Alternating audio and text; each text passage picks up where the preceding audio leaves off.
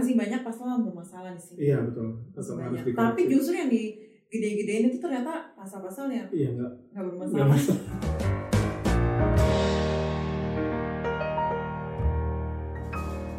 Assalamualaikum warahmatullahi wabarakatuh. Baik lagi di Pranal Talk. itu itu jadi cerita itu. Oh, oke, gua, gitu. gua harus gue yang tepat. Sip, sip. Kalau terlalu banyak nanti kita udahan. Kali ini Pranal Talk bakal ngebahas tentang RKUHP bersama salah satu aktivis yang pernah yang sa- sampai saat ini masih ngebela tentang masyarakat pegunungan utara di daerah eh, masyarakat Pegunungan Utara. pegunungan, pegunungan utara Kendeng masih kalian tahu kan Pe- salah. Masyarakat Pegunungan masyarakat Kendeng pegunungan Kendeng Utara. utara oke Karena Kendeng ada banyak. ada banyak ya Kasih tahu kan masalah apa oke berarti tahu kan kubunya mana kubu-kubu. Kayak oke manusia aja.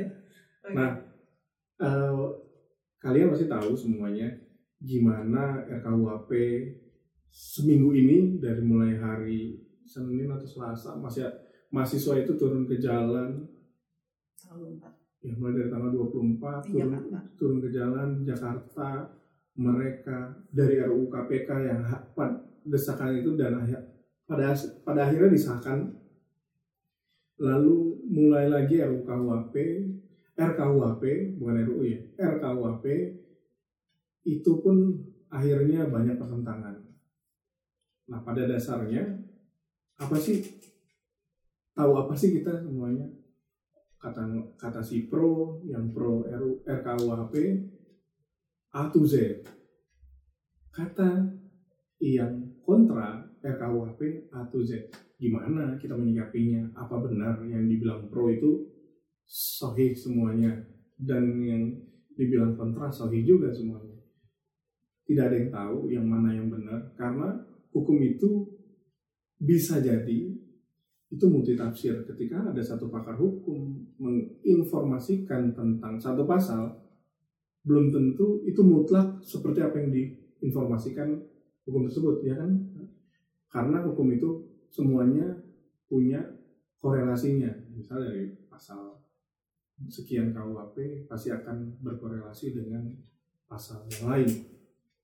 Ya menyerupai ya menyerupai ketika kita dalam nah, kalau saya sebagai muslim dalam beragama Islam ketika kita baca Quran ketika ada satu ayat di surat Al-Baqarah ayat sekian. Lah bukan lanjutannya belum tentu di surat Al-Baqarah ayat selanjutnya. Bisa jadi di surat Al-Maidah atau yang lain. Itu menyerupai. Jadi hukum itu bukan satu pasal diterjemahkan sendiri lalu bisa jadi asumsi. Nah kali ini kita membahas tentang itu biar semua nggak ada yang namanya. Menurut kita pasal sekian wanita keluar rumah keluar lewat dari jam 10 ya Hmm. Iya, itu bisa ditangkap. Oh kasihan dong. kasihan dokter yang jaga malam, dokter perempuan yang jaga malam, dokter wanita yang jaga malam, terus poluan yang jaga malam, semua bisa ditangkap.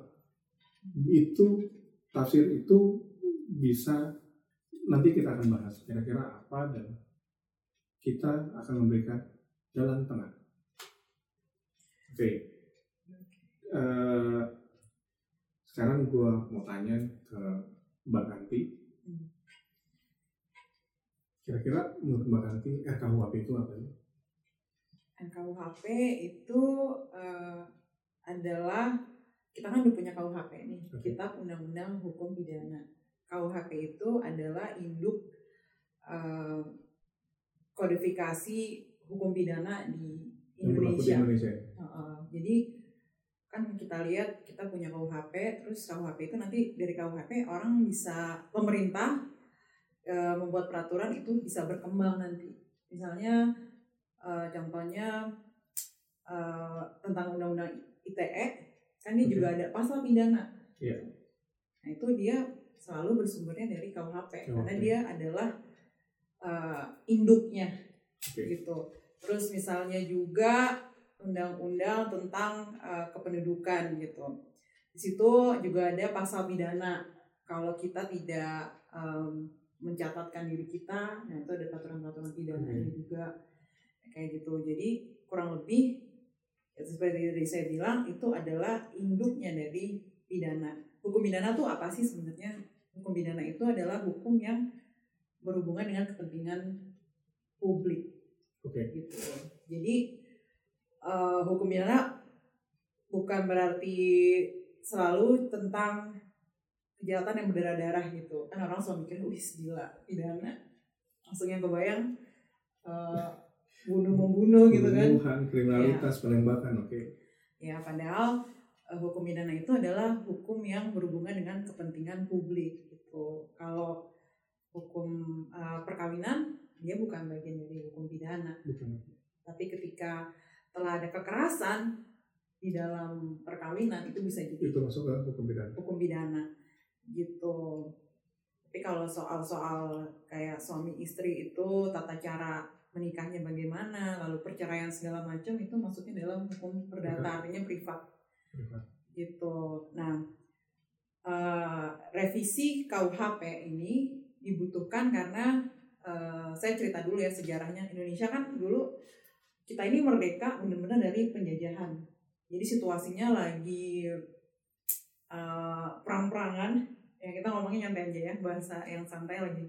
Berdarah-darah gitu terus ayo ayo sekarang kita cepetan nih ada kesempatan untuk memproklamasikan kemerdekaan kita. Kan ada ceritanya Soekarno sampai diculik segala macam ya. karena eh, tadinya mau dibantu oleh Jepang tapi kelompok-kelompok pemuda nggak mau nggak bisa. Ini harus eh, kemerdekaan kita sendiri yang menge- eh, memproklamasikan. Gitu tidak boleh ada campur tangan eh, asing gitu kan. Jadi dalam keadaan serba darurat semua mendadak. Kalau kita lihat teks eh, proklamasi teks aslinya kan pakai tangan. dicoret-coret berapa kali gitu kan. Belum sempet diketik udah harus dibacain gitu. Itu kita bisa lihat dari situ bahwa situasinya saat itu sangat darurat sangat cepat Oke. gitu. Akhirnya eh, udah diumumkan dan satu negara kalau nggak ada hukum ya menurut saya bukan negara. Gitu. Makanya waktu itu dipakailah asas konkordasi. Asas tuh asas? Angka asas konkordasi itu artinya kita mengadopsi hukum yang ada diambil aja ketika itu. Nah kita ini kan bekas Hindia Belanda, Iya. jadi hukum-hukum dari Hindia Hindia apa Hindia Belanda di masa itu langsung dikonkordasikan, langsung di Langsung dikonversi langsung. konversi dikonversi. ya mungkin bahasanya eh, sekarang kon- langsung dikonversi dipakai ke dalam eh, negara Republik Indonesia yang baru, Baru berdiri gitu tahun 1945.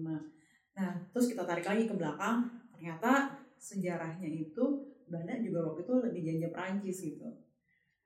Eh, Jadi ini adalah waktu di masa di waktu di masa Napoleon. Napoleon, oke. Tapi ternyata Napoleon juga katanya baca-baca lagi ini dari ya, masa zaman Roma gitu ya. Nah, jadi sebenarnya udah ada keinginan untuk mengubah KUHP ini sebagai induk dari hukum pidana di Indonesia.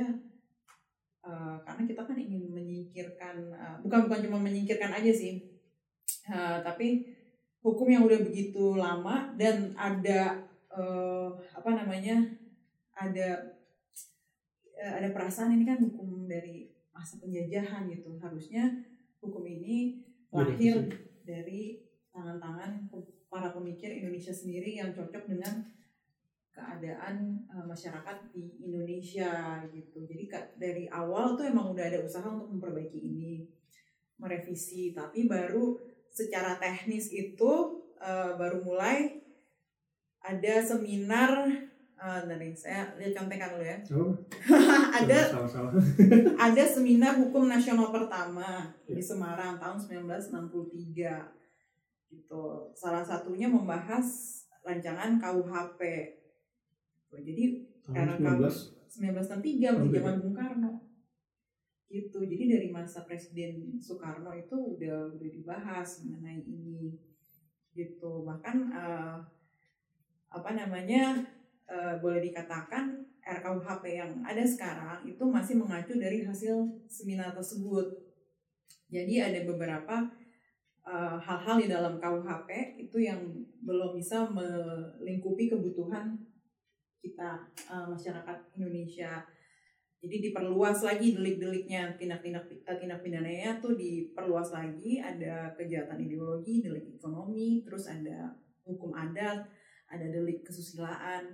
Terus beberapa tahun terakhir ada juga tentang delik korupsi, terus delik penyebaran kebencian terhadap pemerintah, uh, terus uh, penghinaan terhadap kepala negara, terus contempt of court, terus kualifikasi delik penghinaan dan beberapa delik yang sama ini uh, tersebar di luar KUHP. Jadi KUHP itu waktu uh, kita masih asas konkordasi itu KUHP itu nggak uh, bisa langsung dipakai begitu aja. Okay. Dibikin lagi ada namanya uh, peraturan uh, Undang-Undang Nomor 1 Tahun 1946 gitu mengenai peraturan uh, hukum pidana gitu. Jadi bagaimana KUHP ini bisa dioperasikan lah, gitu bisa dipakai, bisa dilaksanakan tuh ada lagi. itu ya. Jadi banyak banget pendamping-pendamping dari uh, KUHP ini sehingga dipikir wah ini udah harus saatnya direvisi. Direvisi. Gitu. Jadi perjalanannya panjang banget. Ini dulu tim penyusunnya um, udah ada tim penyusunnya dulu ya sekitar 17 17 orang, udah 7 orang udah meninggal. oh sorry, 17 tim penyusunnya itu 7 iya, 17 yang telah wafat ya. Itu coba dicek lagi deh. Intinya udah karena saking udah tuanya, tuanya udah lama ya. Sampai para tim penyusunnya pun udah ada yang meninggal. Gitu. Jadi RKUAP ini yang saat ini sedang diperbincangkan, yang saat ini sedang uh, diributkan satu mm-hmm. satu pihak dengan pihak yang lain, yeah. itu sudah uh, berawal dari rancangan tahun 1963 itu. Tadi ternyata uh, seperti yang disampaikan bahwa awalnya dari situ emang. Oke. Okay.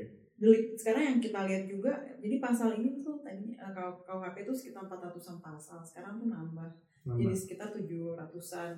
Tadi tadi kan disebutkan yeah. dari delik-delik apa aja. Delik tambahan ya. Delik tambahan yang tadinya nggak ada lalu dibuat menjadi ada. Gitu. Berarti hmm.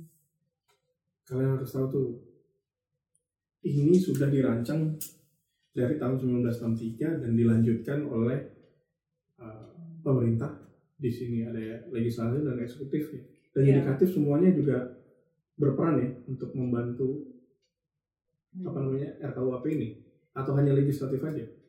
Uh, legislatif sebenarnya kalau nyusun uh, rancangan undang-undang itu melibatkan banyak pihak sih. Banyak Kayak ini kan tadi melibatkan akademisi duluan. Biasanya ya, biasanya dulu. masyarakat yang yang uh, ribut-ribut dulu nih istilahnya bikin seminar, bikin talk di mana-mana. Terus ketika dirasa penting akhirnya bisa masuk ke uh, legislator. Oke. Okay. Gitu.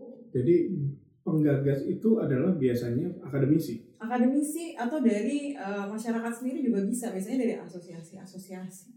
Oke, okay, berarti gitu. pentingnya uh, kita dalam misalnya mahasiswa pun bisa ya ketika mereka demo ternyata hak suara mereka itu baik gitu kan itu bisa jadi perumusan juga perbaikan iya perlu kita ingat bahwa kan bagaimanapun juga Indonesia ini negara demokrasi yang memiliki uh, sistem perwakilan gitu perwakilan. Jadi ya, mereka wakil rakyat. gitu. Oke. Okay. mm-hmm. selanjutnya apakah KWP yang saat ini akan direvisi mm-hmm. itu sudah usang? Uh, eh, KWP-nya udah usang. Eh, apakah udah usang?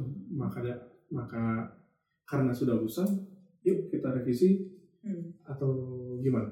Ya itu tadi karena uh, seperti saya sampaikan ini udah dari karena udah dari udah begitu lagi. lama dan hukumnya udah nggak sesuai lagi kayak denda denda kita lihat aja dari contoh denda dendanya itu masih ada yang dua ribu lima ratus gitu.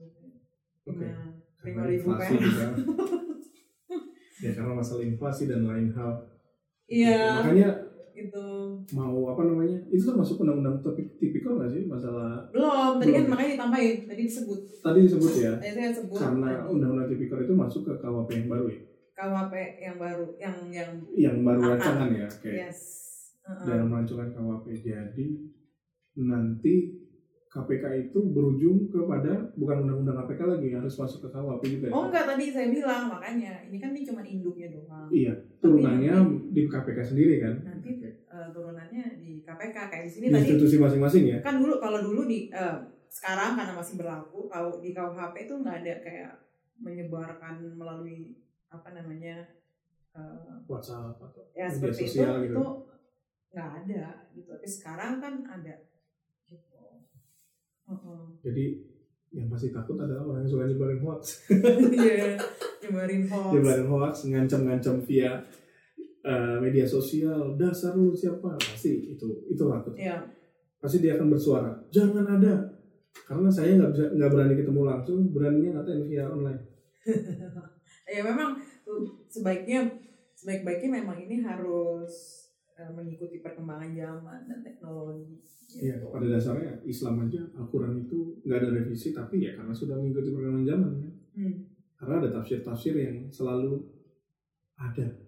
Jadi ini kira-kira RKUHP ini eh, dengan kondisi ini kan melibatkan banyak-banyak profesor ya, dan guru besar Yes. Eh, seperti Prof. Edi ya, Muladi juga ada Prof. Prof. Muladi. Profesor Muzakir Apakah eh, teman-teman yang menolak ini yang kontra tahu bahwa guru-guru besar ini yang terlibat dalam rumusan ini?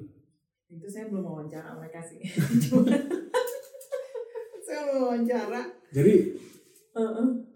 belum tentu orang mahasiswa-mahasiswa itu yang demo itu tahu ya bahwa guru-guru besar mereka yang yang merumuskannya ya, turun tangan Justru dari dari mereka duluan, habis itu mereka eh, ini kalau lihat sejarahnya ya, mereka menyerahkan ke DPR itu tahun 2013 ya, gitu.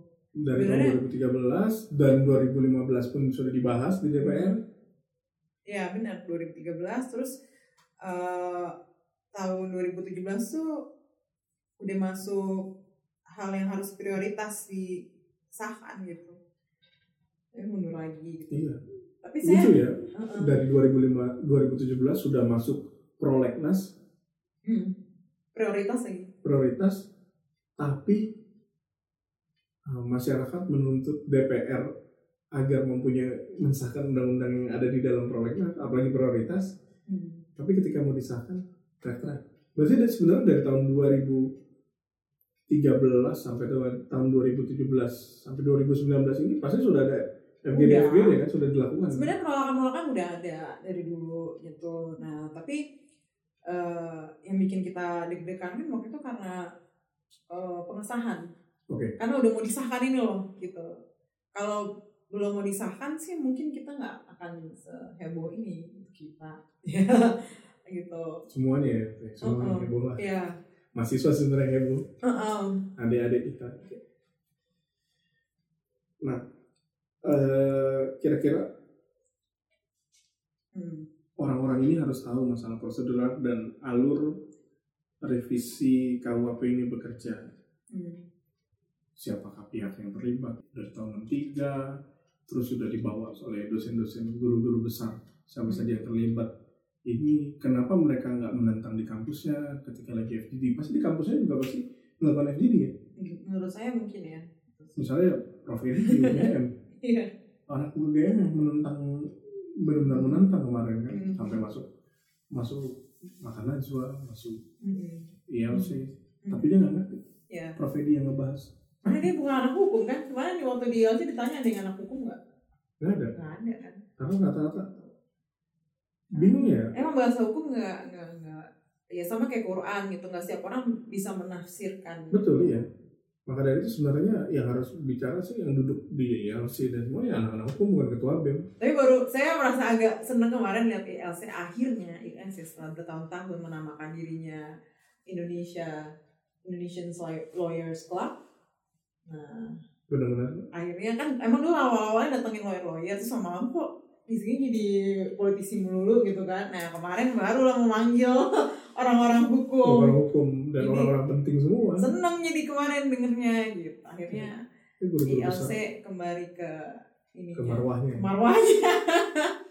berarti yang paling penting adalah kita tuh harus kasih tahu bahwa RKUHP ini sudah dari kapan dan siapa saja yang ngebahas dan sudah diadakan FGD juga.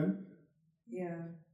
Seben- ya sebenarnya ada ada naskah akademisnya karena salah satu syarat untuk eh, jadi undang-undang. undang-undang itu rancangan undang-undang itu harus ada naskah akademisnya. Di situ lengkap banget panjang banget gitu. Emang eh, yang menurut saya kurangnya dari pemerintah ini adalah masalah sosialisasi. Oke. Masalah komunikasi ya sosialisasi komunikasi dan memang selama ini kan dari dulu pasti sudah itu saya sering bilang Indonesia ini negara milik politisi. Oke. Kita hampir setiap dua tahun sekali ada pemilu, entah pilkada, entah uh, wali kota, nilai wali kota, gubernur. uh, kita kan- tapi kita nggak pernah ada pendidikan politik untuk uh, masyarakat gitu. Jadi yang kadang-kadang yang dipilih dan memilih tuh sama-sama nggak tahu "Lu ngapain sih di sini gitu. tapi ini bener, ini bener Iya, iya. karena eh, ya main juga kan di lingkungan politisi gitu ya banyak yang baru sebatas menjual eh, identitas dirinya gitu dan yang memilih pun baru memilih orang itu berdasarkan identitas eh, luarnya gitu bukan pemikirannya oke idenya ya. Nah, menurut saya ini bagus banget berisik-berisik kayak gini. Jadi kita semua akhirnya Aware, mulai kita mulai ada awareness betapa pentingnya untuk mengerti tentang ketatanegaraan satu.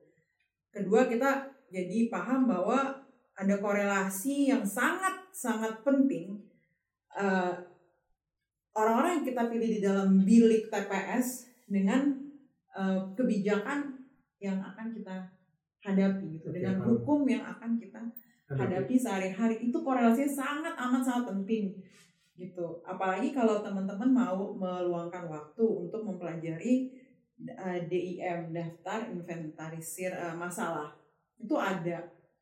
Coba buka um, ada websitenya. Gue nggak tahu itu. Nggak tahu ya? Ya itu dibahas. Jadi si fraksi ini ngebelain yang mana gitu. Fraksi ini setuju apa enggak? Eh, kita bisa lihat gitu. Itu bisa lihat? Ada. Ada semua.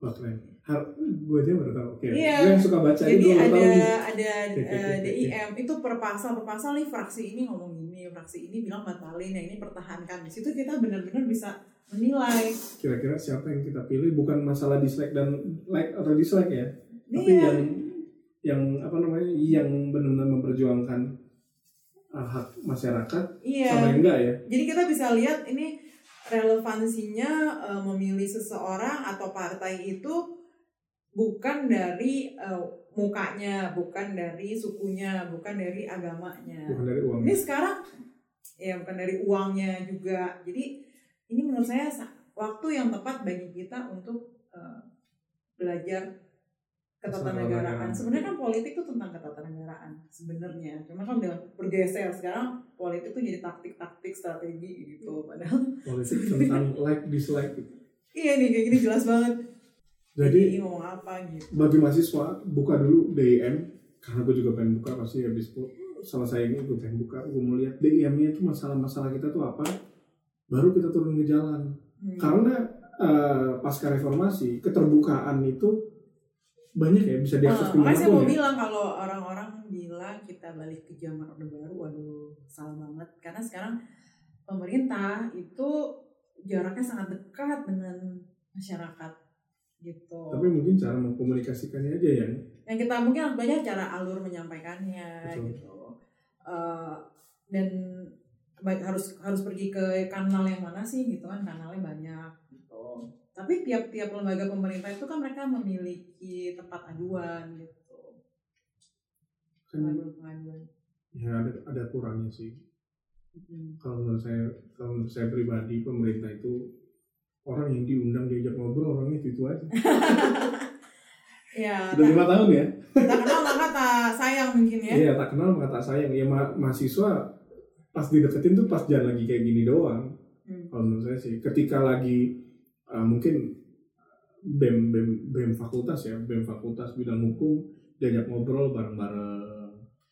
Ya se se- sehari luangkan waktu se- sejam apa Pak, Pak Jokowi pasti waktu sejam dua jam ya Iya. ketika ketemu teman-teman uh, influencer Tapi mungkin gini, mungkin eh, saya juga nggak mau nyalain mahasiswa Iya, iya, karena paham. kan ketika zamannya eh, setelah setelah kejadian malari terus kejadian tahun 78 mahasiswa demo 78. segala macamnya kan abis itu di kampus kan nggak boleh lagi ada politik gitu. betul dia betul NKK, BKK itu BKK ya ya yang diterapkan oleh uh, waktu itu Menteri Pendidikan uh, Daud Yusuf dulu kan aktif banget tuh mahasiswa dari zaman 66 Iya.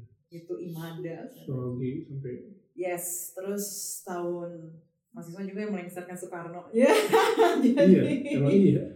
Iya tapi belakangan banyak yang nyesel. Jadi kita harus belajar gitu. Kita harus belajar kalau bahwa ngelengserin Soeharto pada nyesel nggak? Enggak enggak gue gak ikutan gue gue belum masih milenial gue gue belum ikutan. iya. Gue juga masih sangat milenial. Masih masih SMP waktu itu. Jadi cuman ikut ikutan aja lihat-lihat tapi nggak nggak nggak ikutan demo. Gitu. Jadi kita harus belajar juga dari dari dari sejarah. Yes, jangan, jangan cepet panas. Tapi gue lebih mahasiswa zaman dulu mungkin ya karena nggak ada sosial media. Jadi mereka biasanya dapat diskusi diskusi dan sumber primer biasanya. Iya kalau sekarang Hmm. sumbernya hoax ya? Gimana ya? Kadang saya juga sempat kemakan loh tentang ini. Masalah wah ini kenapa? Perempuan keluar malam Wah, gue aktivis. Kalau dicari itu pasal berapa sih? Aku lagi nyari-nyari. Ada yang tentang gelandangan kan? Ya gelandangan. Dan jadi gini pasar gelandangan ditafsirkan jadi pasar yang pasal yang perempuan. Padahal nggak ada sama sekali nggak ada gitu. berarti sama sekali.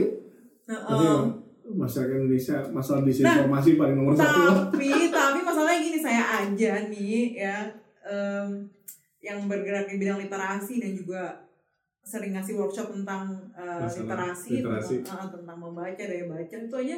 Saya kemakan karena apa? Yang ngeluarin itu yang bikin ringkasan-ringkasan itu media-media yang namanya besar-besar. Iya. Karena saya nggak akan berani ngomong.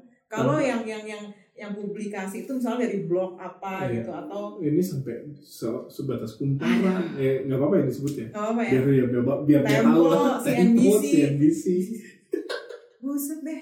Jadi siapa Tirto juga yang gitu kan ya? Tirto Detik. wah detik. Gitu. Jadi jadi siapa yang nggak panik? Ya dong.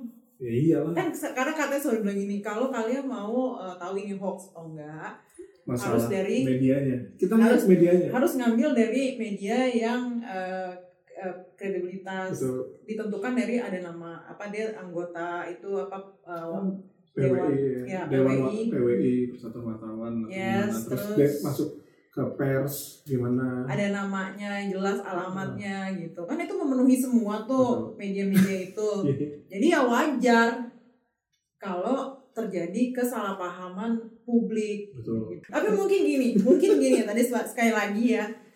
Ini kan hukum Iya. produk hukum. Kalau produk hukum itu nyari sumber primernya gampang. Betul. Cuman karena emang banyak banget orang-orang mau ngambil jalan jangan uh, pintasnya aja. Udahlah baca yang yang ada udah kompas kok udah pasti bener nih. Hukum online juga sama. Gitu. Aduh gimana sih? Orang orang nggak tahu hukum. Lihat hukum online dilihat. Hukum online juga sama. Oh kalau saya malah belum lihat tuh. Gitu ya hukum online. Ya gimana? So, kan orang mau cari hukum tentang apa tinggal Google ya langsung. Ya hukum online keluarnya kan di mana-mana. Pasal ini tentang RKUHP hukum online. Nah, padahal ketika primernya kopian aslinya itu di yang naskah akademis ya Ah. di edarkan pas pas tak tak baca? Saya sama? juga saya juga jadi tapi kan memang uh, apa uh, ini draftnya kan berubah-ubah. Iya. yang kita dapetin yang mana? Kita harus lihat draft yang di siap yang sudah siap untuk disahkan gitu. Gitu. Tapi- memang uh, menurut saya juga masih banyak pasal yang bermasalah di sini. Iya betul. Masih banyak. dikoreksi. Tapi justru yang di gede-gedein itu ternyata pasal-pasal yang iya nggak. Nggak nggak bermasalah ini kayak yang jadi saya juga mengakui saya juga kena gitu karena ya yang nyebab karena saya ngambilnya waktu itu nggak dari sumber primer Iya, gitu. dari media primer. Terus yang yang sirkulasi sirkulasi itu udah Semuanya nggak tahu, sama. udah nggak tahu pasal. Tiba-tiba disebarinnya itu aja. Yes yes. Jadi jadi kita merasa bahwa mari kita belajar saling mengakui bahwa kita juga salah. sa- ada salah ada kelemahan gitu. Dalam mendapatkan informasi ya dan ini harus jadi menurut saya kalau mau kasih pendidikan tentang kewarganegaraan ya bagus acara-acara kayak ILC gitu. Ya tapi sulit sih Ya kan panjang. ya, ya panjang kan ini ya. Eh, harusnya durasinya dua jam. harusnya pemerintah punya pemerintah punya anggaran untuk ini. Orang kita negara ini kenapa nggak mau di TVRI sih? Pemerintah kan punya TVRI dan kita ini kan dibentuk berdasarkan eh, produk poli- politik. Hukum itu produk politik kan. Hasil Iya. dari lobby lobby lobby lobby politik itu lalu melahirkan undang-undang gitu. Tapi kalau gue jadi anggota DPR sih saya cuma mau satu mbak. Lampu merah tak ubah jadi jalan lampu kuning jadi stop lampu hijau hati-hati. Itu produk undang-undang kan? Iya. Ya benar nggak? Bisa. Tapi itu ya kayak bagus itu. Biar ubah kebiasaan aja. Jadi ini, sekarang ngapain ya? Orang harus distrak semuanya. Heeh. kayak ya kayak di Depok mereka. Tapi enaknya enaknya di daerah itu perda itu DPRD nggak bisa menginisiasi undang-undang ya? DPR Baru bisa. DPR bisa. DPRD DPRD bisa. Bisa bisa ikutan membentuk kalau tergantung. itu ikutan membentuk kalau itu tapi naik, naik ke DPR RI kan? Yang- bukan ke eh, bukan ke pemerintahan kan ada ada yang tergantung peraturannya peraturan tentang apa nih gitu. Oke. kita mesti tahu juga nih kalau peraturan tentang daerah kan Gitu. otonomi daerah itu buat peraturan tentang daerah masing-masing Iya tentang daerah masing-masing tapi tetap bersumber pada hukum nasional Ya. turunan ya turunannya gitu nah kita juga harus lihat lagi Indonesia ini sekarang udah pembagian kekuasaan yang saya bilang Iya. presiden tuh nggak absolut jadi saya juga bingung kalau polisi bikin salah terus presiden lah kita kan sekarang ada pembagian kekuasaan Iya. ingat-ingat kita udah polisi bukan di zaman dari yudikatif ya Yes, kita udah bukan di zaman Orde Baru gitu. DPR salah, presiden salah. Dia kekuasaan legislatif gitu. Terus gubernur ngaco, presiden lagi salahin. Kita ada otonomi daerah betul gitu. Jadi jangan-jangan apakah kita merindukan masa-masa otoriter ketika presiden eh, ngomong A semuanya A gitu. kayaknya yang benci presiden itu adalah yang suka otoriter karena semua mau disalahin presiden Nah, aslinya mikir kok ini kayak orang-orang belum sadar. ya. Hai hai bangunlah kita udah bukan di zaman Orde Baru lagi. Presiden kekuasaannya sudah tidak absolut. ya tentang Gitu. masalah di Papua itu adalah wewenang gubernur Papua di gubernur Papua kan masalah Masalah. penyelesaian eh, konflik di sana dan lain hal tapi pemerintah itu hadir dalam masalah kamlek kan keamanan Iya. negara itu diatur dalam undang-undang nggak ada urusan presiden sih sebenarnya di situ Ya presiden mungkin dalam keadaan-keadaan darurat dia karena punya, darurat ya dia punya. ketika gitu. keamanan negara itu sudah Tapi kan semuanya bertahap tuh, jadi Iya, gubernur dulu daerah tingkat dulu. satu daerah tingkat dua Iya. daerah tingkat dua naik ke tingkat satu lalu ke pemerintah pusat kan betul. orang nggak tahu anak-anak sekarang kan taunya langsung bisa dapat akses ke Presiden. presiden Jadi gimana ya? eh, apa-apa tuh kalau nggak bisa di bypass ke presiden kalau zaman dulu bisa zaman ya, karena Soeharto. Soeharto. terus ada juga yang, orde orde lama juga gitu. yang beredar masalah RKUHP ini. Uh, ada gue saya tuh melihat di instastory temen dia salah satu istri dari polisi dan dia mendukung dia salah satu mendukung ya? Dia bukan mendukung sih dia lucu aja. Melihat mahasiswa demo dan sebenarnya itu sudah tidak disahkan masih tetap demo. Iya kan sebenarnya apa yang mau di ini lagi kata udah berhari-hari kemudian sebenarnya presiden kan sebelum tanggal 24 tuh udah bilang tunda. tunda dan DPR tanggal 26 kan gitu menginformasikan ya tidak akan dilanjutkan sampai batas waktu yang tidak ditentukan yes dan apakah ini di tapi ada ada keterangan dari salah satu uh, dari Iman Iman Safei melihat di Mhm. twitternya ini bukan ditunda ini direvisi ini ditunda untuk direvisi bukan hanya ditunda Mhm. ditunda untuk revisi Iya itu benar itu kan? untuk direvisi jadi masalah RKUHP ini itu ditunda untuk direvisi ini udah ganti intinya anggota DPR-nya udah ganti. Kan berganti selesai periode ini. Gitu. Jadi eh, kita membom. Gini kalau de- akhirnya demonya jadi nggak kondusif. Oke kalian turun ke jalan eh, boleh gitu. Tapi karena emang udah diatur jam dulu nggak ada diatur tuh boleh demo jam 6 pokoknya diatur sedemikian jam rupa 6 jam malam. 6 nah selesai Soal maghrib pokoknya pulang aja gitu pulang jam dulu nggak ada kali Nggak ada gitu kalau zaman demo dulu ditangkap kenapa dulu demo waktu 98 tuh heboh karena zaman dulu nggak ada berani demo Ya Unras nggak bisa. Tahun 98 sampai tahun 98 yang saya tahu Unras itu nggak bisa. Ketika ada Unras, lo kalau nggak hilang ditembak mati. Cuma dua pilihannya. Iya. Coba aja lihat cerita-cerita tentang uh, wartawan Udin, terus Iya, iya. Wiji Tukul semua itu Wiji mereka, Tukul. mereka ngapain dulu baca puisi Wiji Baca Tukul polisi ke mana-mana. Hilang. gitu. Hilang. Jadi maksudnya kalau mau banding 98 sama demo sekarang itu mau nyamain rezim Jokowi dengan rezim Soeharto itu saya juga kaget, tercengang gitu. Kok bisa sih? Iya ya. Membandingkan. Ini ini turunannya bagus sih sebenarnya ketika Hmm. Polda Metro Jaya menangkap orang, turunkan Jokowi. Jokowi kan lagi eh, Jokowi kan eksekutif, eksekusi gitu kan dari Oh, segala eh, masalah. Polisi itu ada di yudikatif. Iya, jadi Nggak ada nggak ada nggak ada ininya, nggak ada apa namanya, nggak ada korelasinya. semuanya tuh berdiri ada check and balance gitu saling eh, saling mengawasi menjaga gitu nggak ada yang absolut kekuasaannya Iya. Saling mengawasi, saling bisa mengkoreksi. ya Nah itu dia sih yang jadi. eh, tapi KPK itu masuknya yudikatif kah, eksekutif kah, atau legislatif kah? yang bikin KPK-nya, badannya. Ini ini di. ini. kayaknya yudikatif harusnya kalau lihat fungsinya Tapi nggak mau dia gitu di yudikatif kan. ya saya nggak mau terlalu jauh ngomongnya karena Iya. belum Tapi lucu juga ya. Ini, ini, ini lucu ya. Ini lucu ya. iya Kalau itu nanti bahasnya nanti aja. Heeh. Bayangin aja di Indonesia itu ada tiga lembaga, semuanya diatur dalam tiga. Legislatif, yaitu orang-orang yang dipilih langsung, itu perwakilan masyarakat di seluruh Indonesia, ada di DPR, DPRD, DPRD provinsi, sama Ya, DPR kota kota. Hmm. Lalu ada eh, yang kedua itu eksekutif ya, itu hanya presiden yang dipilih dan presiden memilih siapa pun yang dipilih presiden itu hak mutlak dan prerogatif ya. presiden. Hanya menteri dan kepala badan setingkat menteri.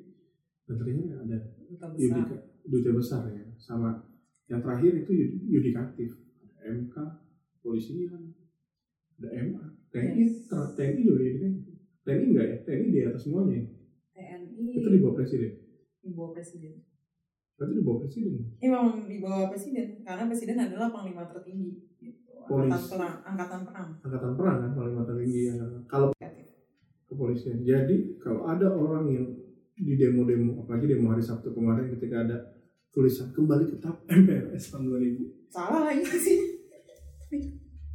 aduh ya. TAP MPRS itu menyat pemisahan antara saya tuh juga gini sekarang kan eh, bayangin ya kita tuh dulu sangat-sangat direpresi Iya. gitu ya kebetulan orang tua saya juga aktivis banget gitu. Yang dia cerita tahun 78 tuh kalau demo tuh laras panjang men. Di depan hidung lo. Tinggal ini ya tinggal menutup gitu. Ditembak juga tapi kadang pelurunya ada kadang enggak. Kalau dia Iya, kadang peluru kosong kaget kan. kaget doang gitu. Iya kalau dikasih peluru kosong kan Eh, si biar kabur. kosong, kabur. Tapi ada juga yang beneran atau hilang udah gitu deh pokoknya. Hilang. Jadi kita kita kira-kira eh, cerit- ceritanya tahu lah masa-masa itu. Apa tentang puisinya dia kenapa ditakutin kenapa Pramudia ditakutin. Kita juga kalau baca novelnya sekarang kayak apaan sih kayak gini? Ditangkap nggak boleh ngomong. Iya, gitu. Iya Pramudia tapi disangka sekarang Pramudia anti sama pemerintah tetap. Karena iya dulu kan puisi-puisi dia kan adalah puisi tentang terhadap anti dengan pemerintah. Dipakai juga sekarang sama yang anti sama pemerintah sebenarnya dia bukan anti pemerintah ya yang dia Kritik- anti kritik itu. kan? ya kritik. Tapi kan yang dia dia kritik kan sebenarnya kapitalisme. Iya masalah kapitalisme. Kapitalisme feodalisme gitu. Kita tetap butuh pemerintah karena kalau nggak ada pemerintah nggak bisa berjalan negara ini. negara nggak bisa berjalan yang eh, kalau kebebasan tapi nggak ada aturan akibatnya nanti jadi satu manusia melawan manusia yang lain. Iya, karena itu keadaan-keadaan yang chaos dan itu kita nggak mau gitu. Jadi kita hati-hati juga lah dalam dalam mengkritik. Harus harus lihat lagi ke eh, batasannya sampai mana sih gitu. Dan me- mengungkapkan pendapat itu kebebasan berpendapat itu tidak sama dengan kebebasan menghina mengejek. Itu tuh beda banget mengancam. Sekarang kan udah udah nggak karu-karuan tuh. Iya. Eh, udah karena ada media sosial hina menghina aja. Ada yang sakit hati dilapor apakah yang melapor ini bagaimana dan seperti apa ya nggak ngerti Misalnya kan orang, eh, saya juga ngeliat gini, kita juga belum, ah tadi balik lagi mau ngomong bahwa ketika masa orde baru kita begitu ditekan, Hmm. lama sekali itu memori-memori kita masih hidup di alam itu masih ke bawah sampai sekarang. Terus tiba-tiba reformasi eh, kita nggak ada sosok pemimpin yang tegas gitu.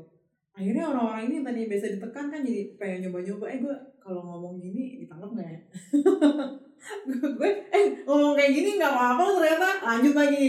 Akhirnya jadi bablas. Oke. gitu. Nah saya juga kesel banget gitu sama sosial media gitu ya sama Facebook group. Ya langsung aja deh gue ngomong. Saya juga udah ngomong ke mereka berkali kalian ini kok membantu eh, apa namanya menyebarkan kalian ini dipakai sebagai platform gratisan dipakai oleh kelompok-kelompok yang yang untuk melecehkan perempuan gitu. Terus kelompok-kelompok yang mau mau memecah Indonesia yang menjual isu agama yang gitu itu kalian jadi membantu begini sih. Terus kalau Facebook. Suratnya sih udah diterima langsung sama orangnya tapi belum di Facebook Indonesia? Facebook Indonesia. Dan Asia ya, yang ada di Singapura. Iya. Tapi nggak su- susah melalui Facebook karena mereka punya kepentingan bisnis bisnis is bisnis nggak nggak nggak ngelihat tapi baru-baru Kondisi ini baru tanggal 26 September saya lihat beritanya kayak Yasinta Arden ya Ya. New Zealand terus beberapa petinggi-petinggi negara lain udah bertemu dengan Facebook dan bicara dengan Facebook dan mereka eh, katanya eh, memiliki komitmen untuk menyingkirkan yang begitu-begitu. Jadi Facebook itu kan dia mengampanyakan internet sehat gitu. Jadi nggak sehat ternyata dia sendiri nggak sehat. produktivitas nggak sehat pertama paling Indonesia tuh Facebook Facebook. Segitu sekarang Facebook memiliki Instagram dan dan WhatsApp. WhatsApp Jadi orang-orang anonim anonim ini Iya. dengan bebasnya bisa uh, melecehkan perempuan Betul. gitu, terus uh, mengancam bahkan mengorgan mengorganisir gerakan-gerakan yang bertentangan dengan Pancasila, keamanan, perdamaian gitu. Ini kita kan ngalamin ya semua ya kemarin. Iya. Aduh. Serem. tapi ya pada dasarnya Hmm. kita apresiasi ya mahasiswa udah bisa ngebantu ya memang kalau ada inisiasi buat menunda ini ya kita apresiasi Apresiasi mahasiswa, tapi nggak Eh, apresiasi tindakan-tindakan tapi jangan double standar ketika akuilah bahwa memang ada yang mem- memanfaatkan demo ini juga dan Iya. bahwa juga ada eh, sama polisi kita juga harus adil. Saya selalu bilang adilah ikutin pramudia adilah mulai dalam pikiran. Kalau ada polisi yang nggak salah apa apa digebukin kita juga harus bersuara dong. Betul. Gitu. Nggak boleh double standar ini Iya kebanyakan sih. teman-teman yang double standar polisi itu kan juga dia satu hierarki yang tinggi banget. Ini yang di bawah-bawah kan juga sama-sama Iya. Sama-sama aja yang di lapangan tuh ya kayak kita kita juga gitu Iya tapi mau, mau edukasi juga, mau ngasih tahu juga ke teman-teman. Polisi yang bertugas di bawah, paling bawah itu orang yang sama yang ngejaga dari jam 6 pagi sampai jam 6 maghrib. Lalu setelah itu kalian timpuk-timpukin, ya pasti kesel lah. Hmm. Ya pasti marah lah. Orang Emang ada itu yang punya menghasut. batas sabar. terus kalau kita lihat nih balik lagi ya ke Facebook Instagram tuh saya lihat ada kelompok-kelompok yang emang mau nyerang polisi Iya, sengaja. gini cara nyerang polisi gini loh gini gitu wah gawat banget dan itu Oke. saya laporin nggak ditutup juga pakai ya itu dia ada cara-cara orang yang sudah pernah misalnya udah lem- lempar bensin aja bakar gitu kan ya rebut tongkatnya apa gimana nah itu yang sudah kejadian ya tapi polisi dilindungi sama HAM ya? Nah, sama aja dong. HAM kan Sama untuk semua orang. kalau kita lihat Declaration of Human Rights ya eh, itu tidak memandang siapa pun ras atau pekerjaan apa pun ya sebagai pertama kita sebagai sesama manusia dulu gitu. Dia punya sim ya yang suka ngina itu? Hah, punya sih iya kan mintanya sama polisi. Oh iya. Kan bilang SKCK. iya. Oh, jangan-jangan. SKCK-nya nggak diterbitin kalau ketahuan.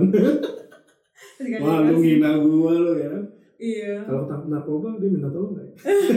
Iya makanya kita suka jangan-jangan gitu lah jangan membabi buta lah Iya, benci-benci, tapi benci biasa aja. Jangan- Cinta-cinta dan cinta sepenuhnya juga, bener nggak? ya jangan intinya jangan babi buta terus kita harus selalu melihat bahwa yang di depan kita ini sesama saudara kita juga gitu sesama Jadi manusia ada orang-orang yang sengaja menunggangi, ya sengaja ada cuma di balik layar, cuma main medsos, tapi ke- kerjanya cuma ngata-ngatain, buat provokasi dan lain hal.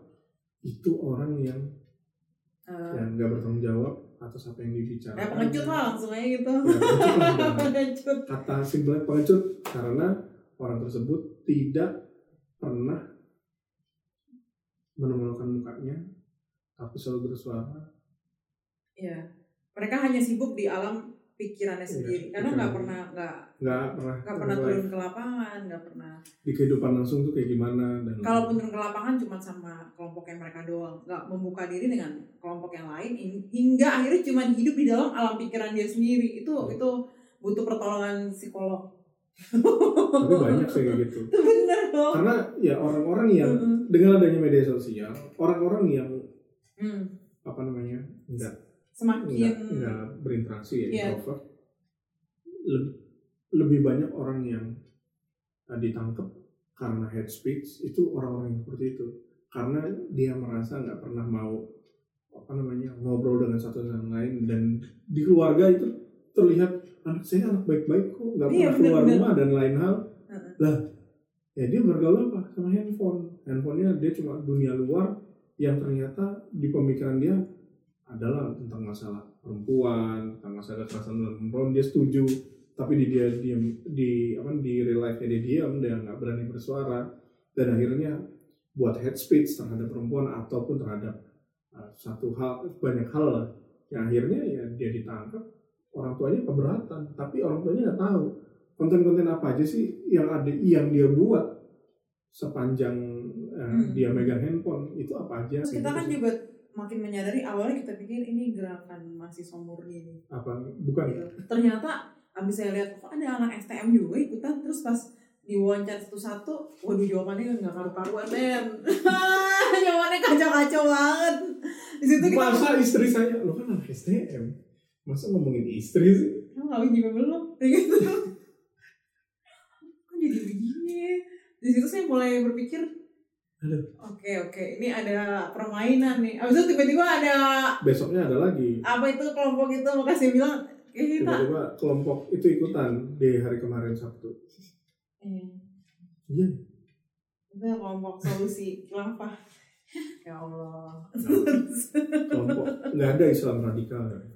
Tak kasih tahu nggak ada Islam radikal. Oh saya setuju banget. Saya tiap kali jelasin ini ke teman-teman itu selalu bilang kamu menghina Islam. Gimana sih ini orang? Saya bilang Islam itu nggak ada yang radikal. Islam itu baik. Islam itu damai. Islam Cuman itu ada kelompok-kelompok orang yang meminjam kebesaran Islam, menumpang kebesaran Islam Dan- untuk kepentingan dia. Tapi kok kalau saya ngomongin malah dibilang menyerang Islam, saya juga bingung kadang-kadang. Itu daya tangkapnya terhadap konten itu kok mungkin kurang omega 3 kita kasih telur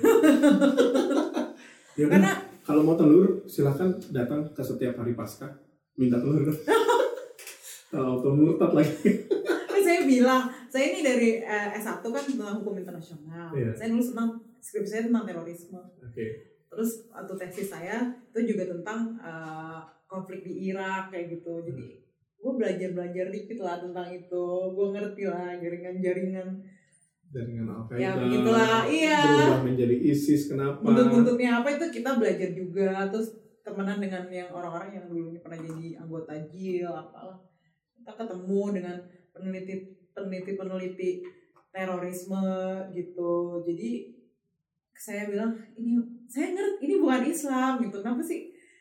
Eh, kalian selalu berpikirnya saya menjelekan Islam. Saya lagi menjelaskan Islam ini tuh begini loh keluarga saya juga Islam orang tua saya haji dua-duanya kami di belajar Islam udah dari lahir istilahnya gue udah diajarin gitu sama bapak gue. Cuman karena belakangan ini saya males gitu bilang saya Islam saya Islam. Nanti saya berpakaian seperti ini oh kok kamu enggak Ini- hijab oh, oh gitu. Itu kan interpretasi kalian saya juga punya interpretasi tapi gitu. podcast saya sebelumnya ya podcast pernah sebelumnya itu ngebahas tentang ini. Sama. Habib loh. Oh. Sama Habib langsung ngomong masalah Islam. Kata dia Islam itu bukan masalah baju. Iya. Islam itu dari hati. Jadi dari hati yang keluar setiap hari itu Islam. Jadi ketika baju percuma yang bajunya sampai apa namanya sampai yang udah eh, panjang, panjang banget. ya jenggotnya sampai beratus lapis. Eh, ini saya jenggot bukan karena itu karena memang malas sebetulnya Hmm. jenggot karena ini tumbuh lagi naik. Itu Islam itu bukan karena ha- ada jenggotnya, bukan karena dia pakai pecinya, tapi karena Hmm. dirinya Islam dan yang keluar itu perbuatan yang Islami Hmm, betul. menghargai orang dan lain itu Jadi- pada dasarnya sih Yang saya pelajari di Islam itu adalah keadaan gitu. Iya. iya. Ya, jadi saya eh, kasihan itu makanya waktu itu saya tawarin tuh yang jelek-jelek yang menyerang saya. Sebenarnya mereka itu bukan kurang piknik. Pikniknya kurang jauh. Pikirnya kurang jauh. Enggak juga sih karena mau bergaulnya sama kelompok yang itu, aja. Kan saya pikir gini sekarang era, era internet harusnya dapat informasi dari sumber primer-primer yang di Arab-Arab itu Nah. harus lebih gampang dong tapi masuknya di ke channel yang mana nih gawat. Itu dia makanya kita tuh mau kita tuh punya inisiasi buat namanya jalan tengah. Karena orang pasti capek ngomong ngedengerin pro capek ngedengerin kontra ya gitu di tengah-tengah aja. Iya. dan ngomonginnya asik nggak saling tendensius ke satu yang lain Sebenarnya kalau kita mau bahas ya yang pasal-pasal bermasalah itu tadi eh, eh, kayak kayak ngomong jalan tengah ya si RKUHP ini memang masih di tengah-tengah ada yang bagus banget ada yang ternyata. ada yang enggak ada banget. yang sangat bermasalah gitu. sebenarnya mahasiswa atau guru-guru besar bisa ngum- ngumpul lagi gitu kan? Iya. atau mahasiswa apa yang sebenarnya yang enak tuh kayak gini. Para guru-guru besar itu kumpul atau atau eh, guru besar atau siapa pun penggagasnya itu kumpul bersama-sama kasih tahu nih yang bagus yang ini yang enggak di sini Iya. saya sih misalnya saya sama teman-teman juga mau lah jadi apa namanya eh, corong buat menginformasikan itu pasal-pasal ini apa Iya. sih Saya kalau ada di Kementerian Hukum dan HAM ya, saya akan langsung bikin dalam keadaan kayak gini saya langsung bikin tuh rilis pertemuan. ya Rilis pertemuan langsung undang semua. sebenarnya eh, mau ngajuin sih ke presiden pemerintah itu masing-masing menteri yang harus punya satu biro komunikasi eksternal yang bisa menginformasikan apa yang ada di dalam dan tidak teredukasi. Itu yang mau tak ajuin atau kalau ketemu Emang sekarang presiden nggak ada ya? nggak ada. Ada ya? mereka kan punya humas masing-masing. Humasnya itu orang tua. Orang tua nyampein ke anaknya lo mau tahu nggak? Kalau mau tahu lo dengerin gue.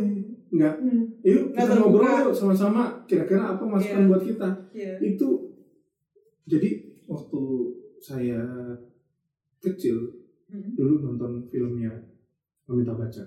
Hmm, jadi Amitabh Bachchan itu dikasih waktu kekuasaan 15 eh 3 bulan. Itu, 3 sampai 6 bulan untuk memperbaiki sistem perubahan hmm. pemerintahan. Kalau dia bisa dia bisa. Dan menjadikan masyarakatnya sejahtera Iya. dia boleh jadi presiden seterusnya atau pemimpin atau gubernur atau apa seterusnya Terus? dan akhirnya dia keterbukaan informasi ngajak diskusi orang seperti yang dilakukan Pak sama Pak Jokowi Hmm. di sama di daerah-daerah atau sama Ganjar gitu kan Hmm. ketika kemarin gubernur NTB juga bagus iya. itu yang dari PKS sekarang Eh, bukan PKS yang bagus gubernurnya gubernur NTB Mas Azul itu ngobrol sama mahasiswa Hmm. apa sih yang lo mau gitu kan gue mau tahu dong gitu kan Hmm. Ganjar juga malah nyanyi kan bareng walaupun anti gitu sorry Ya, sih. Cuma jadi dia Ya. kecipratan terkenal nih. iya Iya. ya, Pak Jokowi siapa lagi ya yang ngajak ngobrol ya Hmm.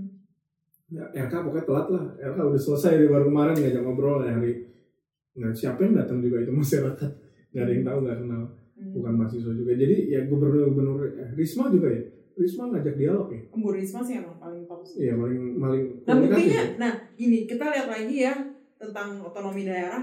Ketika eh ya Bu Risma aja cuman eh, bukan cuma ya tanda kutip ya wali kota kan Hmm. kekuasaannya berarti cuma di Surabaya aja. betul Sur ke Surabaya kota gede. Gitu ya. Dan di ibu kota ya. Iya. Eh, itu mahasiswanya kan pada tertib karena Ibu Rismanya kenapa punya karisma tegas Iya. gitu. Keras. Kenapa di Jakarta? Enggak. Kenapa? Anjur-anjuran begini teman-teman? ya teman-teman kalau mau demo silakan. Asal demonya pakai perasaan dan pakai kata-kata. Saya tahu teman-teman mahasiswa yang murni nggak merusak.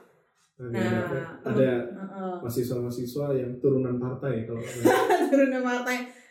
Makanya harus saling menjaga. Jadi teman-teman juga supaya nggak dituduh ditunggangi segala macam ya kalau ada oknum yang menyeleweng kalian juga potret lah mereka. Bikin mereka jadi terkenal gitu Adik, adik, adik ikut. Kan Ikut. sekarang di IPB kan. Heeh. Ikut. Kak mau eh, ikut aksi? Ikut silakan. Sampai sana panas pulang. Cuma 15 menit. Saudara-saudara. saya juga suka demo kali iya Iya. tapi kita demo harus dengan apa dengan dengan uh, kedamaian Iya. Tapi lucu itu. Dia harusnya masih solid tahu sekarang eh, unjuk rasa atau eh, unjuk rasa itu unras ada waktu yang sudah ditentukan. Ada itu yang ditentukan. harus benar. Jadi menurut saya sama Mbak Kanti, kalau teman-teman mau menyampaikan aspirasi, ikuti aturan yang berlaku, aturan. jangan lewat atau jangan jangan peduli sama orang yang bisik-bisik udah sampai malam aja lanjut terus pemerintah lanjutin aja besok datang lebih pagi lagi iya benar habis sholat subuh subuh berjamaah juga nggak apa-apa datang lagi. Nggak masalah. Hmm. pemerintah apa namanya menjamin akan hak unjuk rasa iya. Nggak ada satupun pemerintah melarang. Ya melarang udah udah lewat dari jam 6 pasti satu. Kenapa? Karena kalian harus lihat yang kejadian Eh, dua satu dua dua lah. Iya, nggak selain itu harus jam- harus harus lihat juga bahwa kan hidup tidak cuma kalian. Ini ada pedagang-pedagang kecil. betul. Kayak kemarin tuh banyak banget loh yang yang kesulitan eh, transportasi. transportasi, ekonomi, terus masalah ekonomi juga Iya. yang paling kena tuh yang teman-teman kita yang jualan pedagang pecelayan kecil gitu, terus ojek segala macem, aduh, Iya. terus ada temen yang rilis film, terus jadi Film sepi, ada filmnya itu Lola, Lola Maria. oh yang Eh, temenku 6,9 detik ya? temenku salah satu yang harus endorse itu udah ngundang orang-orang terus karena masalah itu lagi sepi kayak gitu-gitu. Jadi harus harus pikiran harus panjang. Kalau ekonomi rusak susah akhirnya biaya kuliah naik. Terus kita Keluarga. lagi nih rezim zolim! Iya. gitu. orang tua kalian dipecat. Kalian nggak bisa kuliah nggak bisa gapai cita-cita. Makanya jangan hidup di dalam alam. Jadi gelandangan. Jangan hidup di alam sendiri. didenda satu juta. Masuk penjara juga. Itu enggak itu harus diluruskan. Sebenarnya korelasinya kan kayak gitu kalau mau mereka mikir ya iya itu kan namanya cocok logi ya ya cocok logi tapi bagus juga sih buat nyadarin mereka karena Iya. mahasiswa kalau diedukasi agak sulit Hmm. sukanya dikasih lelucuan Iya. kalau dikasih lucuan sobat sambat ini sobat-sobat sambat ini jadi kita setuju nggak kalau politik itu boleh masuk kampus lagi kalau Dalam- jadi ditanya Ah, pendidikan ya. Pendidikan. kalau pendidikan politik praktis politik praktis ya jadi bukan politik dalam artian filsafat Iya. politik gitu. Nah, Bu- bukan antisip ya? Itu kan juga udah. Udah. Udah udah sama-sama tertutup kita a priori juga kan Ren. jadi ah, Iya, mau masuk politik masa politik itu kejam politik itu kotor gini bla bla bla. Kotor atau tidaknya kita yang uh, menentukan. Maksudnya Betul. ketika kita akhirnya misalnya masuk ke politik praktis itu jadi kotor atau enggak ada sih satu satu politikus itu yang bersih banget. Sampai yes, bahkan kita tahu ahok maksudnya? Itu kan Farhan. Farhan yang bilang. Iya. Farhan di, di apa namanya di wawancara di sama Najwa. Naj- Najwa Shihab. Aduh dia langsung ngomong. Saya tahu saya tebak ya ahok. Ya belajar lah dari dia ya kan. Jangan belajar agamanya ya. Saya juga ngelarang maksudnya. Tapi belajar cara berpolitik dia dan pikiran-pikiran dia lumayan baik Tapi Dan- akhirnya di mana dia sekarang? Nah itu dia makanya itu kenapa ada kita di pendidikan politik pendidikan politik dan kita juga pengen ada perbaikan, di dalam Perbaikan. KUHP karena masih ada pasal itu dan bunyinya masih sama penistaan ya masalah penodaannya gitu. iya pasal 15 Kan 156 156 sama terus sekarang 156A eh, dipindahin ke 304 tapi 304. bunyinya masih sama masih sama ya mirip-mirip gitu. Berarti itu pasal karet yang sangat-sangat ini ya yang Ngeri banget. di- Ini sebenarnya kalau hakimnya punya eh, apa namanya ini kan dari hakim yang memutuskan. Iya. Kalau hakimnya punya rasa keadilan sih harusnya pasal ini aman-aman aja. Cuman kan yang namanya manusia, Iya kepentingan politik. saya bilang lah ini hukum itu produk politik. Iya. Gitu. Ketika orang jadi legislator Aduh. apa pun dia itu ketika punya undang-undang dia punya produk kan Ini punya produk. dan produk itu digunakan digunakan ya Jadi dia yang eh, mengusulkan iya kita dibahas. kan Iya, dibahas dibahas bersama bareng-bareng. tapi kan ada ada produk yang dia Hmm, sama kayak Budiman kan dia produknya undang-undang bumdes kan Iya, kayak dia Pitaloka juga kan dia iya. undang-undangnya kekerasan seksual. kekerasan. Gitu. Penghapusan kekerasan seksual Itu juga nanti boleh itu kita bahas karena banyak yang tulalit. oke Tiba-tiba kayak perkosa aku. Apaan sih perkosa aku? Kenapa sih ditambahin perkosa suami saya sendiri? Ya ampun. Kalau Ya, anda mau tuh anda tuh mau diperkosa artinya anda mau penikmat yang keras-keras itu. Aduh bingung gua. ya itu dia tambahannya mungkin setelah kita bahas uh, saya satu politik itu harus masuk kampus politik praktis itu agar mahasiswa-mahasiswa saat ini nggak buta dan nggak dikuasai oleh labelisasi uh, organisasi Islam. Ingat ya, semua yang ada di kampus saat ini semua labelisasinya agama. PMKRI, Hmm, Kristen. hmm, hmm, betul. PMII, Islam, Padahal itu lebih bahaya daripada politik, men. HMI, Islam, Hizbut Tahrir, NII, semua pada takut sama sama itu. Termasuk orang yang apa NKRI harga mati juga ada di situ juga. Yang lebih baik itu diganti sama politik. Politik ujung-ujungnya ya paling mabok ya kan. Enggak juga. Ya, nggak tahu Mabok itu. kan? Ya kan Aduh. politik nggak apa-apa daripada mabok agama ya. Ya. Ngeri soalnya kalau agama nih kan gimana ya? Soalnya membawa kewahyuan Tuhan itu membawa ada Tuhan di situ. Jadi orang-orang jadi sulit untuk objektif. Bukan sulit, nggak bisa. Oh iya nggak bisa objektif itu kan yang udah pengalaman. karena, karena gini, objektivitas itu dilihat dari pada pada saat apa kita berdiri. Oke, gue lagi berdiri pada saat eh, misalnya ngobrol sama aktivis Islam, kita nggak bakal ngomongin masalah eh, misal masalah non Islam, pasti kita ngomongin Islam, sudut pandangnya juga tentang Islam dan lain hal. Ketika kita ngebahas wanita pun tentang Islam, Hmm. pada dasarnya sudah diatur dalam Al-Quran tentang poligami. Lah memang ada. Tapi apakah pakai rasa? Nah, turunan hukum Al-Quran itu ketika kita disandingkan dengan undang-undang yang ada negara, mereka bilang, undang-undang tidak sesuai syariat. Dari mana? Ya kan? Orang-orang nggak tahu syariat yang dimaksud itu apa. Dan pasti elemen-elemen penyusun penyusun undang-undang ini juga pasti kan orang-orang Islam. Iya, bang mayoritas Islam.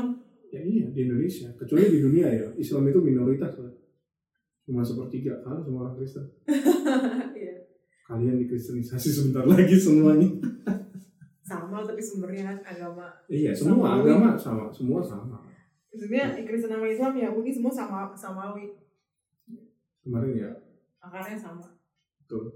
Nah pada dasarnya berarti eh, di di dalam RKUHP ini Hmm. kita harus melihat dari dan mendapatkan informasi primer dari orang yang atau dari sumber yang sangat jelas. Karena kalau kita mendapatkan informasinya tidak primer, mungkin walaupun dengan dari media-media yang eh, terverifikasi oleh eh, Dewan Pers dan lain hal, tapi belum tentu dia dapat sumbernya yang benar-benar akurat itu bisa menjadi disinformasi masalah informasi tentang RKUHP dan nilai-nilai RKUHP. Dan sekali lagi juga yang nulis itu belum belum tentu ahli hukum gitu. Ya betul. Hanya menyimpulkan ya, menyimpulkan dari draft ini masih draft, nggak tahu draft Yang tahun draft berapa tahun berapa, tiba-tiba disimpulkan sampai Hotman Paris saja pusing. pusing. Saat ini Hotman Paris ketika dia menantang Yasona dengan undang-undang tersebut, ketika Prof Edi menjawab tentang undang RKUHP tersebut, ternyata apa yang dibahas itu beda. Beda. Jadi aslinya kapan yang yang semua draft itu draft. Makanya sebelum masuk draft itu ada yang namanya apa? Nah, sebelum yang mau disahkan DIM DIM ya, daftar inventarisir daftar masalah. inventarisir masalah. Nah dari daftar inventarisir masalah tersebut kita bisa tahu ini yang benar-benar Terus habis itu udah dibikin lagi eh, draft yang apa yang akan disahkan tuh disebut juga gitu. Ada di situ kan DIM Ada kan? ada di situ. Nah, di mini kemarin ada 2000-an. Banyak banget kan. Makanya sebenarnya terburu-buru juga. Udah tahu ada sekitar 2000-an yang bermasalah. Iya. Kenapa sih tetap ngotot mau Mau disahkan.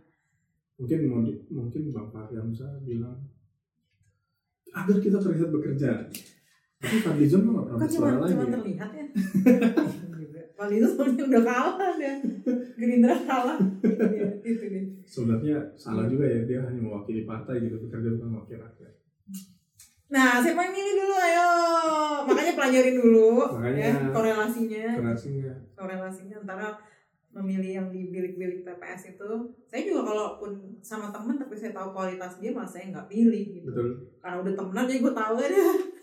Dia milih bukan karena kenal, tapi milih karena dia punya kompetensi. Punya kompetensi. Oke, itu aja hari ini kita ngebahas RKUHP. Eh, Nanti so- sorry nambahin. Minimal kalau nggak tahu kepribadiannya tadi dari DIM tadi kan kita bisa lihat nih Oh, fraksi, iya. fraksi apa. fraksi-fraksi apa aja. Soalnya disebut cuma fraksi bukan Bukan perorangan, ya? bukan perorangan. Itu kita bisa Jadi- belajar jadinya. Dari ada 9 komisi di DPR. Eh 11 ya? Sembilan. 9 ini. Iya. Ada 9 Yang tahun ini berapa ya? Kalau yang 10 kemarin kalau yang nanti akan eh, di ini 9 kan? Sembilan. Iya, oke lah dari 9 fraksi yang ada eh komisi yang ada di situ ada orang-orang yang akan memba ya, mem- membantu teman-teman untuk mengesahkan beberapa RKU, beberapa rancangan dan revisi eh, dan RUU dan revisi undang-undang yang ada di DIM tersebut. Oke, sampai di sini eh, podcast kita hari ini. Kita lanjut lagi nanti tentang R PKS ya, RUU PKS ya, penghapusan kekerasan seksual. RUU PKS lalu Eh, mungkin kooperasi kali. kooperasi Sekarang Pak, kooperasi nggak disebut nih bermasalah Iya. padahal padahal bermasalah kan bermasalah banget. Dan kooperasi lagi- dan politik di perkampusan Oke, mantap. oke assalamualaikum warahmatullahi wabarakatuh. Yuk